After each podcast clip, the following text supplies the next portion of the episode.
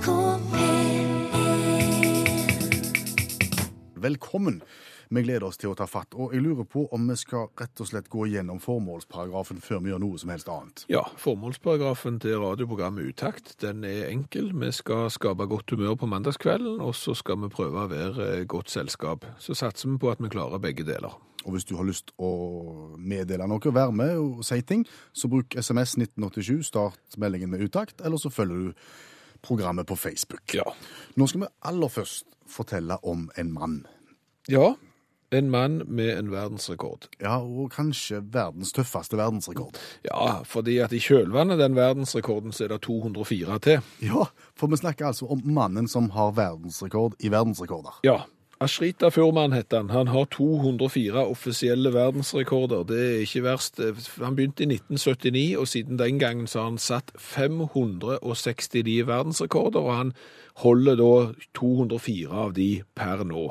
Vi kan ikke gå gjennom alle rekordene nei, til men- Ashrita. Nei, vi kan ikke det. Men altså, han er jo, eh, begynner jo eh, å nærme seg 60 år med han. Men eh, han, han satte sin første verdensrekord i 1979. Da gjennomførte han noe sånt som 27 000 jumping jacks. Det vil si sånne hopp som eh, For meg ser det ut som en sånn aerobic-øvelse. Du står på gulvet, og så skal du hoppe ut med beina, og så skal du klappe armene over hodet. Ser du for deg det? Ja. Sånn opp og ned og opp og ned. 27 000 sånne. Såpass? Så gikk den dagen òg. Ja. Da var han i gang med sin, eh, sin første verdensrekord, og siden har han jo eh, hatt mange. Det er jo en, Han angrer litt på noen av de. Blant annet det dummeste han har prøvd på, det er jo da han forsøkte å spise et helt tre. Det er litt, litt vond i magen, da. Ja, så, så den er jo ikke så god, men, men det, ja, jeg, jeg har gått gjennom noen av de. Ja. Og det, det er interessant, ser du. Altså, du har eksempel eh, lengste distanse for kolbøtte. Han har rulla kolbøtte bortover. Ja, nesten 20 km. 19,7 km, sant? Det er langt. Det er langt. Da går det rundt for deg, Ja. bokstavelig talt. Eh, og så er han veldig god på hoppestokk-hopping. Jaha. Har drevet en del med hoppestokkhopping både på, på land og til vanns og i lufta med. Eh, har jo da eh, verdensrekorden i hoppestokkhopping under vann. Så kom jeg på det òg. Ja, tre timer og 40 minutter med hoppestokkhopping under vann. Sjelden. Eh, så her er det en som er ganske imponerende. Altså. Det er jo da balansering av melkeflaske på hodet mens du går. Mm. Hvor langt tror du han har gått, han godes Ashrita Furman, med, Med flaska oppå hodet. Ja, med melkeflasker på hodet. Sikkert kjempelangt. Sikkert en kilometer og to. To kilometer. To kilometer, ja. Ja. ja. Da er du bare 128 fra. Han har gått 130,3 kilometer med, med melkeflaske på hodet. 13 mil. Det er langt. Ja, eh, og har òg hoppet eh, Har verdens raskeste tid på sekkeløp. 10 km sekkeløp, 1 time og 22 minutter, 2 sekunder. 10 km sekkeløp. Har òg verdensrekorden Enormt irriterende på 17. mai. Ja, vinner alle. Har òg den feiende flotte rekorden eh, balansering av sigarboks på kinn. 223 bokser, sigarbokser på kinnet har han klart å balansere. Så er det en her som jeg lurte på om jeg skulle ha vært med på og så prøvd og slått, men så ser jeg at det blir for mye graps. Okay. Det er da verdensrekorden i å spille bordtennis med et egg lengst uten at det knuser. Det er da 14 slag. og du kan jo tenke deg hvor mange ganger du skal prøve før du liksom klarer å slå rekorden, og hvordan det ser ut rundt deg på alle de mislykka forsøkene. Så, Men, men, men er det, du sier hadde, det kunne vi prøvd hvis det ikke hadde blitt så mye graps. Er det noen det går an å utfordre Ashrita på? ja, altså for det jeg, det jeg har tenkt når jeg har lest om Ashrita, det er jo at, og, og du ser jo konturen av det på en del ting her, eksempel hoppestokk-hopping under vann. Altså det er jo en sånn en, ja vel, hva så? Det er jo egentlig bare å komme på noe som ingen har gjort før, sant? og så gjør du bare det lenge nok, og så har du en verdensrekord. Det er jo en del sånne forsøk, men det er klart at det, eh, 20 km kolbøtte, nei, stress. Eh, Å gå med melkeflasker på hodet 13 mil, nei, stress tar for lang tid. Eh, Så det jeg har sett er at han har òg verdensrekord i bordtennisballspytting. Altså pingpongball. Hvor langt har han eh, 12,8 meter. Har han blåst ut en ball? Ja. 12,8. Det høres jo ut som det er mulig å være i nærheten. av. Ja, altså det, der, der tenker jeg at for det første så, så krever det ikke så mye forarbeid der. Det er vel egentlig bare en bordtennisball og litt pust, så skulle du være i gang. Så, så, så det har jeg tenkt nå. Hvis Ja, hvis, bare- hvis jeg holder ball, og du, og du holder pust ja, så jeg, jeg tenker nå å gå opp i, i en sånn lagerhall vi har her oppe, med, med stor takhøyde og svært rom, og så skal jeg prøve. Og dette, dette har jeg aldri prøvd før. Dette, jeg har aldri tatt en bordtennisball i min munn. Har du ikke det? Nei. Og så skal jeg prøve å slå den rekorden. For nå skal vi prøve å sette verdensrekord i pingpongballblåsing. Ja, Ashrita har verdensrekorden, og den lyder på. Ja, det er 12,80 ca. Altså 12 meter og 80 centimeter. Og jeg har nå beveget meg inn i et rom som er 14 meter. Og dermed så vet jeg at hvis jeg kan stå inntil veggen på den ene sida og nærme meg veggen på den andre, så har jeg rekordpotensialet inne og kan nesten invitere lensmannen for å komme og måle. Er, er det lufttett? Er det stille? Ja, det er veldig stille. Det er innendørs. Og, og det er fordel med pingpongballblåsing at du er innendørs. Er helt eh, klinkende klart. Og, og når det er sagt, jeg har aldri i mitt liv eh, blåst en pingpongball. Jeg har ikke tatt en pingpongball i min munn. Eh, så nå skal bli en første gang. Så det blir på en måte det jomfruelige første blåset. Men nå skal Ja, men Tar, tar en fart, eller er det stille blåset? ja, det, det er jeg ikke sikker på, så her må vi nesten bare se. Men han hekta i tennene på veien ut. Men, men, Det er veldig vanlig. jo, men selv med tannhekt så, så, så var jeg over halvparten av rommet. Det vil si at jeg er over syv meter på jomfrublåset mitt. Sier du det? Ja, det er ganske oppsiktsvekkende. Prøver en til. Ja, gjør det. Prøv å unngå hekting. Jeg skal prøve smart. Nei, det var dårligere. Jeg tror kanskje at det er første gangen er best, for da har du mest lungekapasitet igjen. Jeg prøver inn med fart, jeg. Ja, du har ett forsøk igjen. Okay, jeg har en bare igjen. Og så kommer denne fart. Klar, du? Ja! Ganske langt med 12,8. Ganske imponert over han der som har klart det, altså. Det må være lov å si.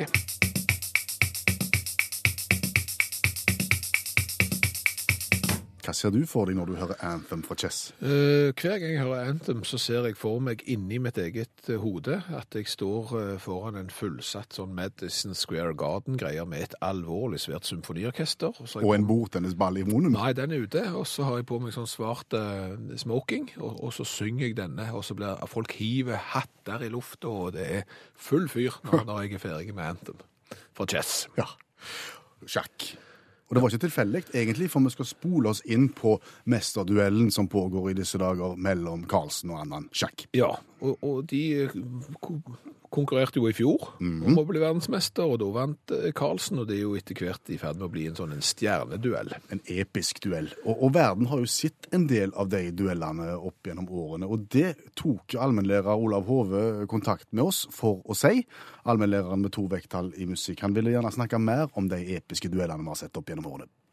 Ja, vi husker jo alle Bjørn Dæhlie og han østeuropeeren eh, Vladimir Smirnov. Og eh, vi husker, vi vet jo nå at eh, Ronaldo og Messi der krangler litt om hvem som er best. Men allikevel, det er jo forholdsvis enkle ting.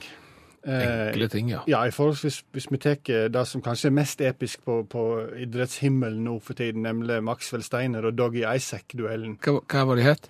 Maxwell Steiner og Doggy Isaac. For hvis Deli kom først i mål, Ja. så sa jo Smirnov at ja, Deli vant. Med, med Doggy Isaac og Maxwell Steiner så er ikke det sånn.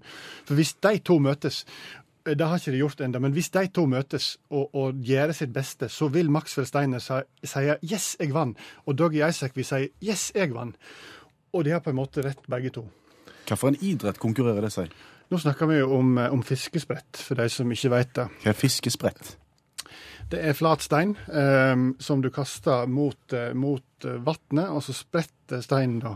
De har vært borti det. Aldri hørt. Aldri hørt navnet fiskesprett, men jeg har vært borti, eh, om ikke idretten, så iallfall aktiviteten. Å Ja. hive stein på vann og få den til å dabbe. Slå smutt, sier de i Danmark for øvrig. Slå smutt? Ja. Steinsprett, sier de i USA. Småfroskkasting, sier de i Hellas. Interessant. Men okay. Men, men du sier de har, de har aldri møtt hverandre, disse. Men Nei. likevel så kaller du det for en episk duell? Ja, det er det litt av. fordi at eh, Maxwell Steiner han er jo amerikaner og kommer fra det vi kaller den amerikanske fiskesprettskolen. Det er, det er støtta, han er jo støtta tungt av, av North American Stone Skipping Association, eller NASA, som de kaller seg, som er tunge i USA. Og de har jo, de har jo si greie, og de sier da at antall sprett sprett skal telles, og den som har flest sprett, vinner. Eh, Max Steiner har hatt 65 sprett, og det er regna som eh, verdensrekord for NASA. Men den andre skolen her Ja, vi snakker om Doggy Isaac-skolen. Ja, det, det, jeg, jeg velger å kalle den europeiske skolen. Der, eh, der, eh, der er, dreier det seg ikke om antall sprett, men om lengde. Oh. Yes. Og Doggy Isaac han har klart 120 meter.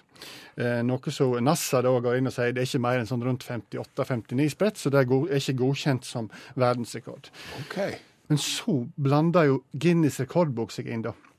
Fordi at Doggy Isaac han ville ha 120 meter inn i, Guinness rekordbok. Ja. Og da sa Guinness rekordbok at vi må nok dessverre støtte NASA. Så de tok Maxwell Steiner inn i Guinness rekordbok og sa at 65 sprett skal være verdensrekorden. Kjempeproblematisk. Kjempemasse vas. Um, og franske forskere har kritisert den amerikanske stilen.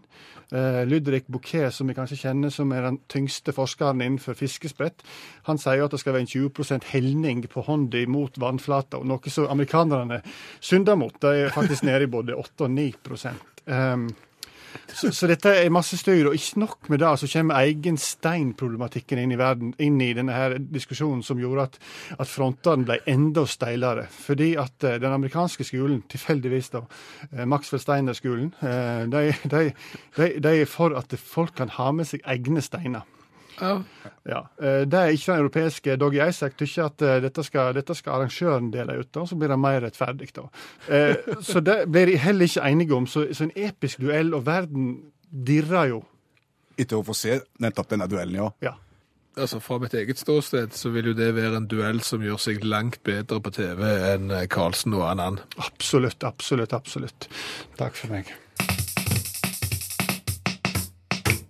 Forrige mandag så tok vi opp fenomenet baklengsmaskering innenfor eh, rock og populærmusikk. Ja, og, og baklengsmaskering, det er altså Hvis du spiller sangen baklengs, så vil du høre et skjult budskap der. Du vil høre en setning som oppfordrer deg mest sannsynlig til å begynne med narkotika, har vi inntrykk av. Den gikk igjen. Men, det er liksom greia. Du hører det ikke når du spiller den rett vei, men du hører det når du spiller baklengs. Og det skal da hjernen, ifølge iallfall noen, så skal hjernen vår være i stand til å oppfatte dette baklengse budskapet, sånn at det på en måte påvirker oss og lar oss gjøre ting som vi egentlig kanskje ikke hadde tenkt å gjøre. F.eks. begynne med narkotika. Det høres nifst ut. Og i sakens anledning så har vi fått tilsendt ei bok. Ja, den er ikke tilsendt fra hvor som helst. Nei, den kommer fra selveste Depotbiblioteket. Ja, i Mo i Rana. Ja, og den er skrevet av eh, Jakob Aranza i, i 1983. Og dette Den heter Baklengs djevelskap i rock and roll. Og den tar jo for seg en del av de tingene som vi har snakket om nå. Og Hvis jeg skal lese litt av det som står på baksida her Ja, hva forteller han Jakob Aranza? eh, Hva er så djevelsk ved rock'n'roll? Mer enn du aner! Utropstegn. OK.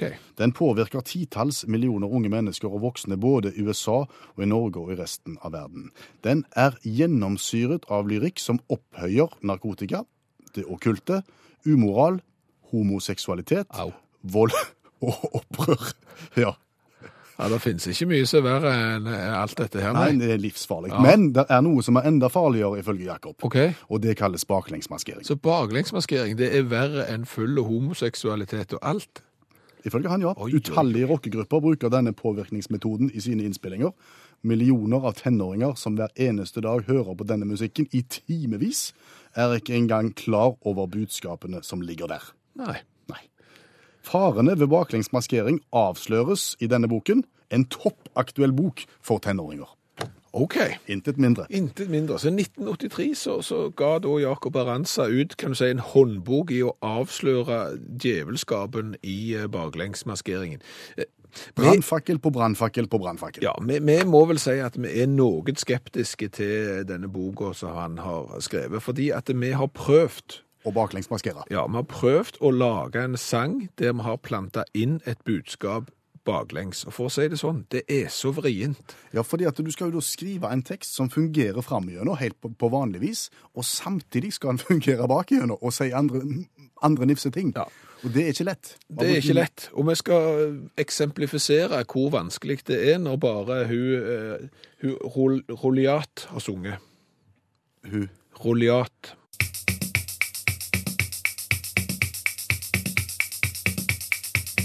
Taylor Swift har solgt voldsomt med LP-plater ja. med denne sangen. Ja, hun har det. Hun har solgt utrolig mye musikk, og det er da på et tidspunkt der nesten ingen kjøper musikk, så har hun allikevel solgt en hel haug med musikk. Men spørsmålet da, eh, hvis du hadde spilt Taylor baklengs, hadde du funnet skjulte nifse budskap som forherliger rus, homoseksualitet og vold? Det hadde du helt sikker. Det er bare å Hvis du tror at du finner ut av ting, så finner du ut av ting. Og det sier Jakob Aranza i boka si, eh, som omhandler baklengsmaskering. Nå til forsøket vårt. Vi skal vise hvor vanskelig det egentlig er å baklengsmaskere. Ja, men vi skal rett og slett gjøre dette for å fortelle det at vi har ikke noe tro på de som eh, mener at det finnes eh, sublime budskap som kommer inn i hjernen vår hvis vi hører en sang. Og det er fordi at det er kolossalt vrient å skape noe substans når du spiller en sang baklengs. Ja, Iallfall hvis det samtidig skal ha, ha substans framlengs. Ja, eh, fordi at eh, jeg har da lagt en sang, og, for å si, er det sang og sang, jeg, jeg lagde noen akkorder, det tok tre minutter, og det henger det, og ikke spesielt fint heller, men poenget er at da lagde jeg noen setninger som var palindromer. Ja, og for uh, norskinteresserte så, så betyr palindrom Det betyr at det er likt både framlengs og baklengs. Og det- Anna i senga.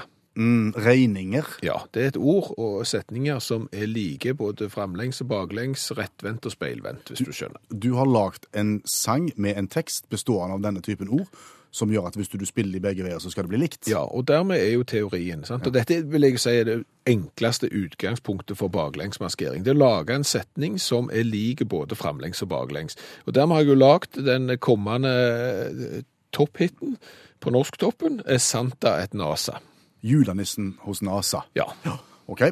Eh, Vil du, vil du sitere teksten først? Ja, altså bare hør på den. Det, teksten er ikke så viktig. Det, det henger ikke på greip, men eh, Nå hører man framlengs. Yes.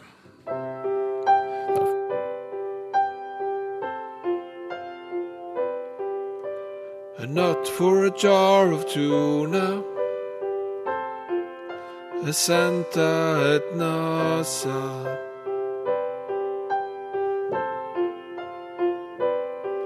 A Toyota race fast, safe car. A Toyota.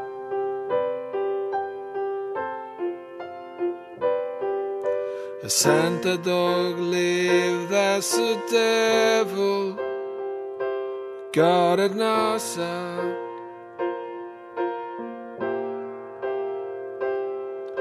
A Santa dog lived as a devil. God at NASA. Det hørtes nesten ut som du ble grepen av Ja, din nei, egen jeg vil ikke si det. Det, det er vel ikke Melodi Grand Prix-potensial over dette her. De, Nei, en, en litt spesiell tekst, men uh, den er skrevet på den måten at hvis du leser den baklengs, Mhm. så blir han like. absolutt helt uh, like blir han. Det er en palindromtekst, og dermed er jo tanken at du, når du nå eh, snur denne verdenshitten som heter Essenta et NASA, så vil han jo fremdeles hete Essenta et NASA, og skulle jo da høres uh, lik ut rent tekstmessig. Og vet du selv vil gå det neste.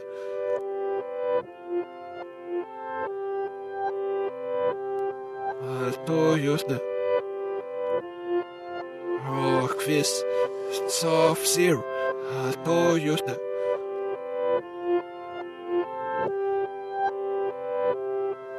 Sånn det er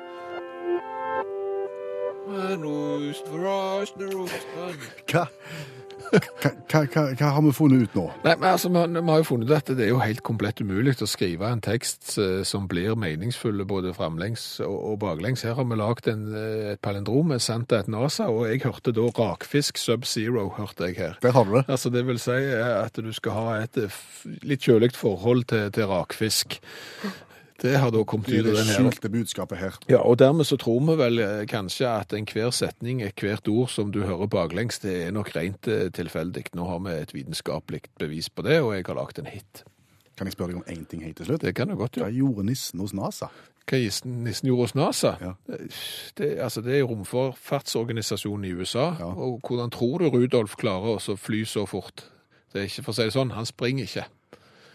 Ikke være rakettforsker for å skjønne det. Skal ikke det.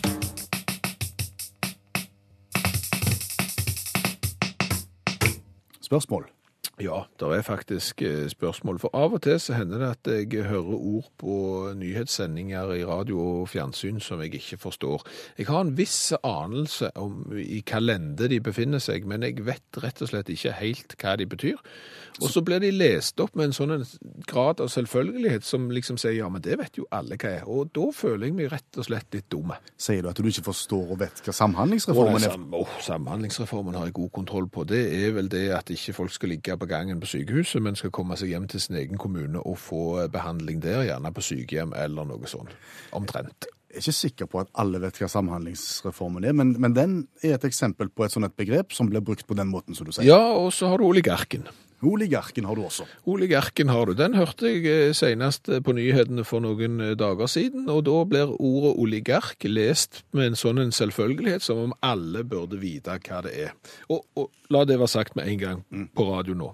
Nå har vi sagt mellom oss at vi skal snakke om oligark, og vi har ikke slått det opp på internett. Vi har ikke fått noen forklaring på hva en oligark er. Vi skal prøve å utlede hva en oligark er, etter det vi har grunn til å tro. Ja. Og vi skal østover. Eh, Vi, vi tror vi skal østover. Hva din favorittoligark? Hva er det slags fyr? Han er godt i hold. Det er en hann? Ja, ja. først okay. og fremst en han. Okay. Han er godt i hold. Han har en litt utdatert dress. ok. Han har gull rundt halsen. Tror du dette er viktig? Eh, La meg få fortsette. Ja, greit. Fordi at det, det signalementet jeg nå gir, mm -hmm. det føler jeg eh, viser at mannen har mye penger. OK, ja. Han er rike. Han er rik. Oligarken er rike. Mhm. Eh, ikke sikkert at rikdommen er, er, er basert utelukkende på rent mel i posen. Det er kanskje mye mel og av ymse kvalitet. Ja, greit. Men, men rike har han blitt. Ja, Og, og fort. ja, OK. Jeg, jeg tror det. Ja. Ja, jeg, jeg har en følelse av at det, det skjedde et eller annet med når, når eh, Sovjetunionen rakna, når ting skjedde der borte. Mm. Så var noen smartere enn andre, og, og kjente noen folk bedre enn andre. Og så ble de fort raske. For, fort rike. De ble fort rike raske, ja. Ja. Ja, Der har du oligarken, tenker jeg. ja nei, Og så altså, eier de gjerne en fotballklubb. ja det, det tror jeg òg. altså, min oligark eh, eier nok iallfall en fotballklubb, og, og den har han kjøpt med penger som han har fått gjerne fra en oljeledning eller fem i, i Russland. Men, men jeg vet ikke. Altså, det er Nei, for mens du snakker nå, Ja. så får jeg et sånt bilde inn i hodet. Det kan ikke være en sånn en, en gammel betegnelse på en eller annen slags høvding i en del av riket? Oliga, oligarken av Oliga oh, sånn at, at, Oligarken av- at det var en tittel litt som altså, Kaukasus, kong- ja. Ok, konge av Norge, oligarken av, av eh, Ja, en, sånn- sånn- enklaven eh, Litt sånn langt Dostojevskij-skjegg. Ja, ok. Men, men nå, nå, må vi gå inn på, nå må vi gå inn på fasiten, fordi at det, det, dette vet vi jo ikke. Men vi bare tror at det er en rik kjeltring fra Russland. Det er egentlig det vi har. Som, Sant? som eier fotballag. Som eier fotballag og har mye gull og dårlig klessmak. Ja. Det, det er en oligark etter det vi har grunn til å tro. Nå har jeg slått det opp. Fortell.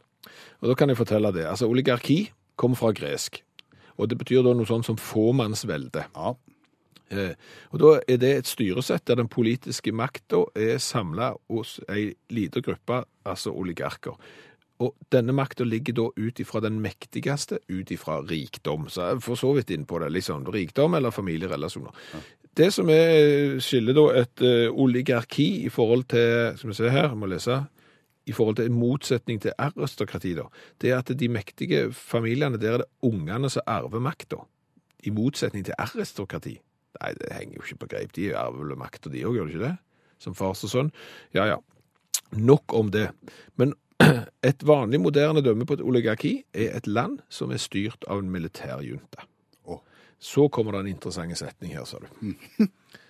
Russisk oligark betyr en russisk forretningsmann som slo seg opp når Boris Jeltsin var president på 1990-tallet. Jeg har fasiten, jeg, her. Jo, men det jeg nettopp har lest, Ja. henger jo ikke sammen med siste setning. Nei.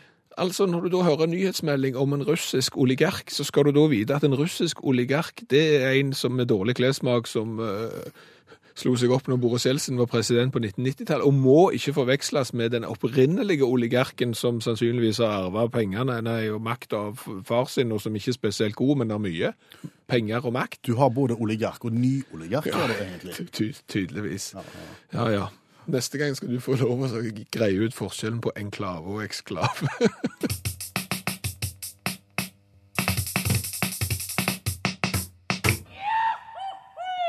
Jodling, det lille der er egentlig nok. Ja. Men det indikerer at Utakt fortsetter med konkurranse. Det gjør det, og det er en konkurranse der du får premie uansett hvor dårlig det er, og utgangspunktet er ei spørrebok fra 1975, barnas egen spørrebok. Og alle har svart riktig på inngangsspørsmålet i dag, som lyder som følger Hva heter du, og hvor bor du? Ja, og Einar Aune han har eh, skrevet at han heter Einar Aune, og at han bor i Sandefjord, og det har vi grunn til å tro er rett. Hei, Einar. Hei sann. Forholdet ditt til 1975 og, og det, altså dette året vi skal inn på nå. Da var jeg 23 år og flytta fra Oslo til Sandefjord. Ja, Og siden har du vært i Sandefjord? Siden ble jeg her. Ja. Ja. Da bør jo forutsetningene være helt eh, optimale, tenker jeg. Ja, det skulle være bra. Ja. Det er sånn at Nå skal vi plukke spørsmål etter hvert, og så skal du svare. Og hvis du svarer rett, så får du litt eh, gladjodling. Hvis du er uheldig og svarer feil, så får du litt tristjodling. Men uansett så vanker det T-skjorter med V-hals. Det er konseptet. ja. Og da er det eh, 68 sider i spørreboka, og hvilken side har du lyst på, Einar? Eh, 23. 23. Da er vi på kategorien Skal vi se, det er overskriften på andre sida. Eh, Aktuelt mer eller mindre Ja. er det, og der er det 20 spørsmål. Da tar vi 11. Tar vi 11. Hvilken dynamisk personlighet stiftet et nytt parti ved forrige stortingsvalg og døde ved utgangen av 1974? Eh, Anders Lange. Ja, stemmer. Anders Langes parti, som ble til Fremskrittspartiet. Til, Til, nedsett, til nedsettelse av skatter og avgifter. ja, de, de lagde partinavnet enkelt. Ja. Og hvor hadde de sitt første møte? henne? Var ikke det i Rogaland på et eller annet gjestgiveri?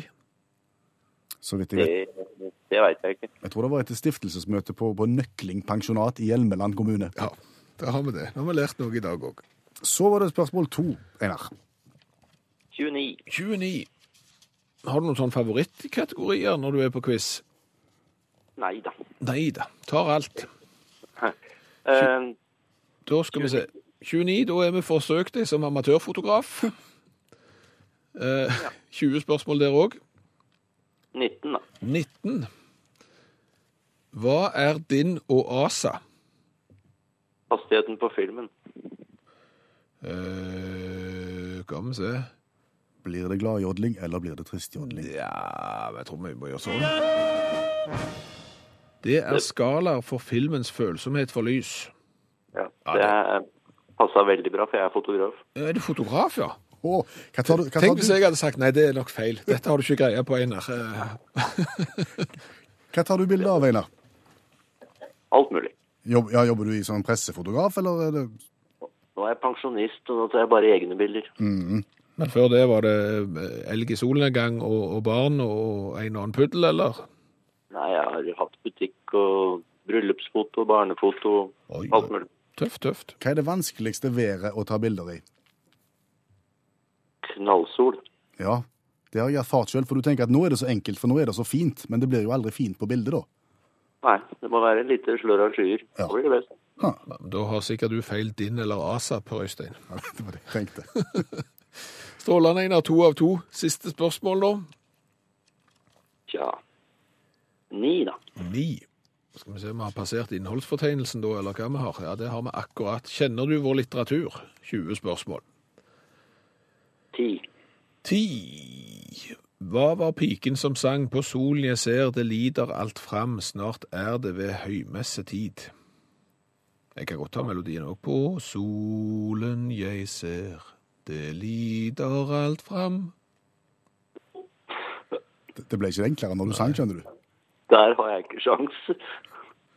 Melodien, melodien din var fin, men eh, Jeg har ingen bjeller på den. Nei. Kan vi gi noen ledetråd? Altså, du har jo eh, du, ja, du har jo på en måte seterjentens sønn Dag, Ja. og så har du på en måte seterjenten. Seterjentens søndag, ja. Ja, det var seterjentens søndag dette her vi prøvde å sang for. Det er vel Bjørnson, tror jeg, hvis jeg ikke tar skammelig feil. Og der kom den til slutt. Der kom den. Men det er ikke så farlig. Nei. eh, Det vanker T-skjorte med vedhals til den pensjonerte fotografen fra Sandefjord. Ja. Takk skal dere ha.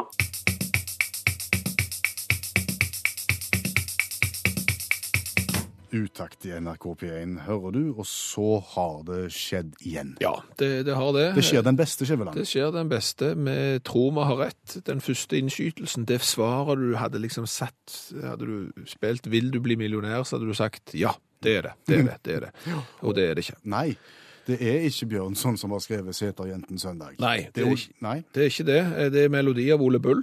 Han var jo en racer på fiolin, blant annet. Og teksten er da skrevet av Jørgen Moe. Og han dro mye på tur sammen med Asbjørnsen. Og da var det jo Asbjørnsen og Moe. Ja. Eh, Så han står bak eh, seterjentens sønn Dag.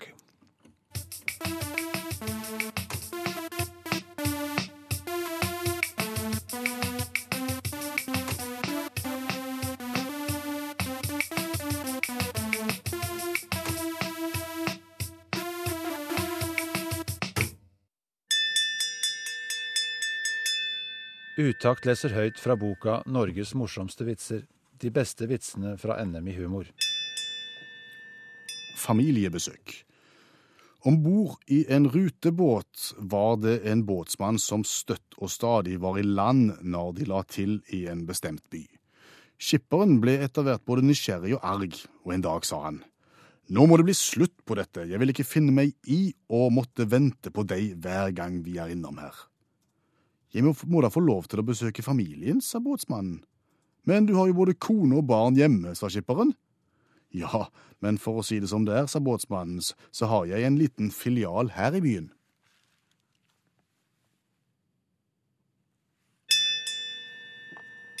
Du har hørt Utakt lese høyt fra boka 'Norges morsomste vitser'. De beste vitsene fra NM i humor.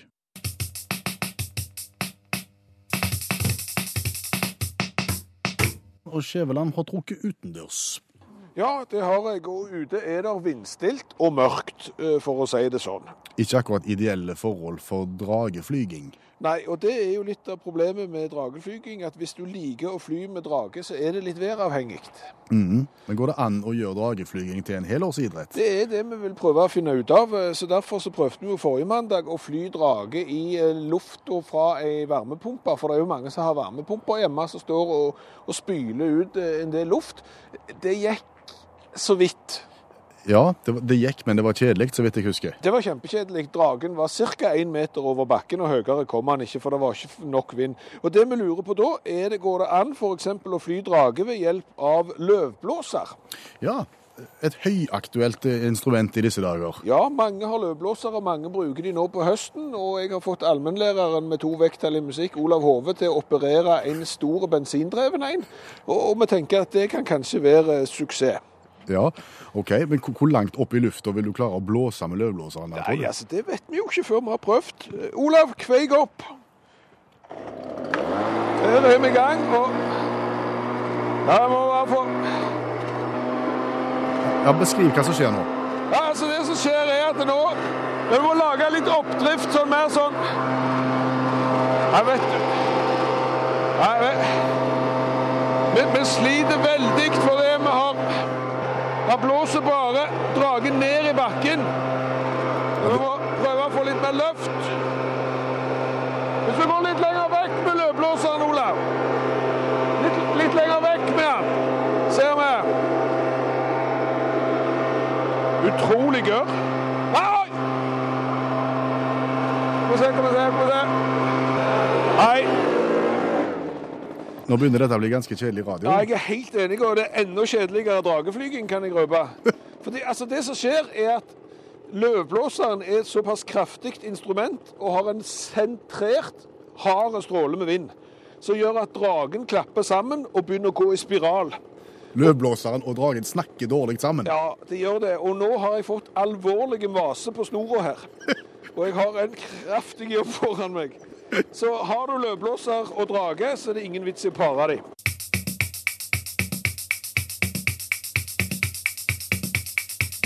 Eh, Vi har forsøkt oss på tipping, eller det vil si i forbindelse med seriestarten i vår, så forsøkte vi oss på tipping. Og nå er det jo over, så nå kan vi jo se tilbake hvordan det har gått. Ja, for det som er bakgrunnen for dette her eh, stuntet her, er jo at eh, under et fotballmesterskap så fikk jo tyskerne den velkjente Paul, Blekkspruten. blekkspruten Paul, til å tippe resultatene til det tyske fotballandslaget. Det gjorde han med bravur. Jeg tror Paul har vel slutta å tippe, for han er død, men det er nå så. Eh, I kjølvannet av det så har vi prøvd oss på esler. De var dårlige å tippe. Vi har prøvd oss på høner. Kjempedårlige å tippe. De er gode å tippe, men de er dårlige å tippe. Eh, Så før årets sesong i eh, Eliteserien så dro vi fram Calvin Benny. Ja. Skal vi kjøre et lite gjenhør med det som Calvin Benny gjorde, eller er dette selvforklarende, eller må vi ta en runde? Nei, men vi kan nå høre hvordan Benny, eh, som er oppkalt etter den legendariske vikingtrener Benny Lennartson, hvordan han eh, tippa utfallet i årets tippeliga. Som vi ser han går på Han går Nei, nei, han skifter. Han går over på Sarps... Var innom Sarpsborg. Nei, ikke skikkelig. Lukter på Viking. Tilbake til Sarpsborg. Over på Nei, nå skifter han helt terreng. 11. Der, ja. Stabæk. Stabæk får bronse i e- Eliteserien. Ifølge Calvin Benny. Ja, så blir Lillestrøm nummer to. Oh. Og nå mangler vi bare at Benny skal bestemme hvilket lag som kommer til å vinne hele sulamitten. Vi går for å ta dråpene på gulvet, ja. Kom an, kom an, Benny. Vi mangler ett lag. Vi mangler et topplag. Vi mangler et topplag. Nå stikker han, ja. hvor stikker han hen? Han stikker bort i studiovinduet og lukter på kaffen min.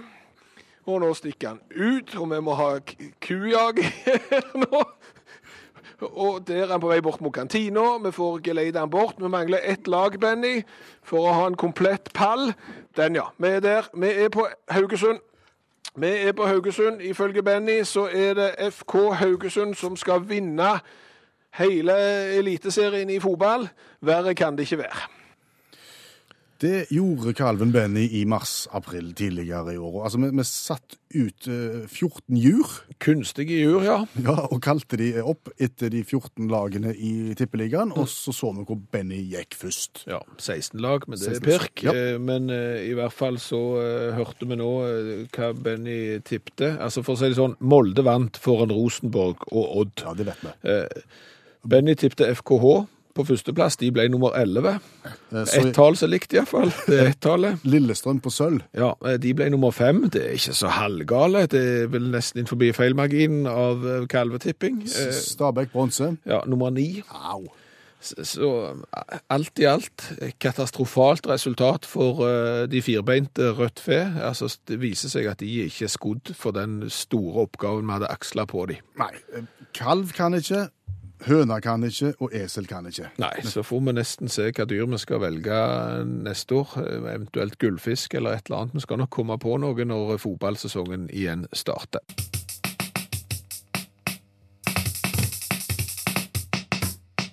Utakt ved Kvindesland og Skjæveland, men vi hadde ikke klart oss uten allmennlærer med to vekttall i musikk, Olav Hove. Nei, vi hadde ikke det. Han har greie på de tingene som vi ikke har greie på, og det er ganske mye. Mm. Vi har jo nettopp snakket, eh, eller for en time siden, så snakket vi jo om at det faktisk er et verdensmesterskap i å hive stein og få han til å dabbe på vannet, enten flest hopp eller lengst. Kalles fiskesprett.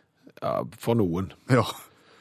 Vi syns jo det var spesielt at det finnes et verdensmesterskap i det, men allmennlæreren sjøl, Olav Hove, syns ikke det er så spesielt i det hele tatt. Nei, det er jo ikke det. Vet de f.eks. hva type mennesker som syns at VM i luftgitar er rart? De aller fleste. Nei, Det er de som ikke har overvært VM i luftsex. Um, Hæ? VM i luftsex det er en av de kanskje mest fremadstormende idrettene. Det er ikke det, men det er noe, det er noe fremadstormende på sin måte, da. For å si det sånn. Okay. Ja, japansk fenomen som blitt, eh, blitt eh, ja, viralt, som det heter. Eh, forholdsvis enkelt, da. Luftsex det er to minutter, der du skal da illudere et samleie med ingenting. Akkurat som luftgitar, eh, med klær på. En del blir revnet med, så det er ofte en del ender opp i bar overkropp, helst menn. da. Ja. Eh, Men du har to minutter på deg, da, til, og, det, og, og, og da, da skal du ha forspill. Du skal gjennomføre dette her samleiet. Eh, late som, altså. Ja. Og da får du da karakter for forspill, samleie og eh, den seksuelle energien du viser. Um, Sitter der da et dommerpanel og Yes. vurderer dette? Yes, yes, okay. det er det. Uh, og, og, eh, og det er da Alamo Drafthouse, da, uh, som er et amerikansk selskap, det er ansvarlig for dette verdensmesterskapet. Da. De kjører 14 kvalikrunder uh, rundt omkring. Og så er det finale da i Los Angeles hvert, år, men i år er det Austin, Texas spesielt. Siden 2009 har det vært i Los Angeles, men nå er det Austin, Texas. Og tror du der ute i det ganske land at du kunne gjort deg, gjort deg skarpt eh, på luftsex, så er det ikke for seint å melde seg på. For det er kvalikrunde i New Orleans den 20. november og i Houston den 29. november. Og det er åpent for alle. Det er altså åpent amerikansk mesterskap i luftsex. Blir regna, har ha, status som verdensmesterskap. Anbefaler på det sterkere, sterkeste. Er du litt blyg, så kan du an slå til og bli med på den europeiske, europeiske idretten som så, så heter stirring. Stirring. Snakker vi om noe annet nå? Ja. En ny idrett som kan Stirring. Stirring, ja. Okay. det blir arrangert VM i stirring, eh, helst i Frankrike. Jeg vil jo si at du kunne jo kombinert disse to. At først så kunne noen vært med hatt VM i luftsex, og så kunne de andre vært med hatt VM i stirring samtidig. Men, det, ja, men eh, ja, jo, men egentlig ikke. Du er inne på noe, fordi at eh, Chloé Sevigny, som, som jo er, er verdensledende i stirring, hun, hun, eh, hun, hun har jo på en måte skrevet en slags pamflett rundt dette. her. Hvordan skal du gjøre det skarpt i, i stirring? Um, og det er ikke så lett, da, fordi at regelverket er nokså intrikat. da. Men handler det om å se lengst mulig på noe? Ja, nei, på hverandre. Det er par, det, du Å, er ja, sånn, utslagsmetode. Oh, ja. Eh, og, så, og da er reglene enkle og greie. Du skal altså de første to minuttene du skal sette deg ned med motstander, stirre på motstander. De første to minuttene så er det lov å blunke. Men det er ikke lov å le, gråte, grynte, snøfte, glefse, rape, måpe, dåne, nyse, snorke eller hoste. Det er ikke lov de to første minuttene. Okay. Etter to minutter så er ikke det lov å blunke. Da må du stirre.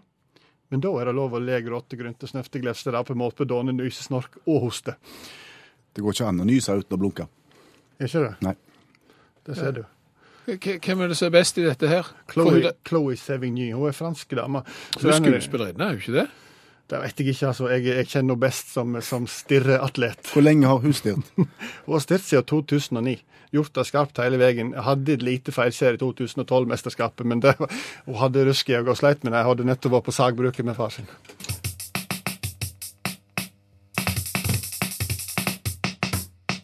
Hva er det du sitter og leser på? Jeg sitter og leser på politiforum.no, for jeg har fått et tips fra en av våre utrolig smarte lyttere. Utakt har jo utrolig begava lyttermasse, og en av de har tipsa meg om en sak her på politiforum.no. Det er politistudenten Glenn som skulle ut og makulere et avhør. Gikk det godt? Ja, altså for å si det sånn, avhøret ble jo makulert, men det ble slipset til Glenn òg. Oi sann, oi sann, oi sann. For han skulle da lende seg eh, over makuleringsmaskinen, for det var så mye sånn papirstrimler i den der korga der papiret, at han skulle bare fjerne litt av det. Og når han bøyde seg over makuleringsmaskinen, så tok eh, makuleringsmaskinen tak i slipset og begynte å trekke Glenn ned i maskinen. Det endte godt, eller? Ja, det tok litt tid før eh, han klarte å få tak i den der returknappen som gjør at eh, maskinen går andre veien, og det er et klart og tydelig billedbevis at det eh, rakk han akkurat før han nådde slipsnål og, politibeviset. Og slipset er ca. 10 cm langt nå under knuten. Det gikk bra med Glenn, men dårlig med slipset. Absolutt. Eh, Vet du hva jeg slutta av dette? Mm. At politiet har betydelig mer effektive makuleringsmaskiner enn det radioprogrammet Utakt har. Ja, og det er derfor vi nå snakker om denne saken som skjedde for bare noen dager siden med, med Glenn. For på makuleringsmaskinene så står det en advarsel. Vær forsiktige, ikke få slips i makuleringsmaskinen. Vi skaffet oss en makuleringsmaskin utelukkende for å teste om det er farlig. Eh, Og du kan jo høre på hvordan det gikk. Da turer vi i gang. 129 kroner på Det st- stoppet jo. Oi! Prøv igjen. Jeg prøver igjen. Altså, Start maskinen først. sånn, nå er det fart på den, og så kjører vi slipset nedi. Han klarer ikke å makulere slips? Han klarer ikke å makulere slips. Et siste forsøk.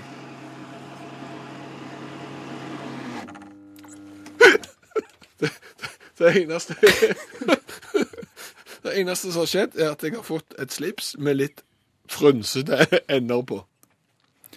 Det var det da vi skulle gjøre det. Ja, og, og helt tydelig at politiet har kraftigere makuleringsverktøy enn det radioen har. Glenn har ikke lange slips igjen. Jeg skal legge ut en linke på Facebook-sida til, til Utakt, så kan folk gå inn og se på, på slipset til Glenn. Så når vi sa at det å få slips i makuleringsmaskin ikke er farlig, ikke hør på oss, hør på politiet. Ja, Vi har ikke greie på hva vi driver på med, verken når det gjelder slips, makuleringsmaskin eller andre ting.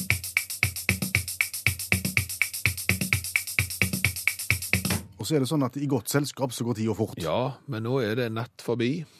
Snart. Ja, det er det. Utakt er snart over, men vi må få lov å minne om at hvis du har fått smaken på utakt og syns det kan være greit å høre det litt oftere, så finnes det podkast. Så du kan laste ned og høre utakt når du vil.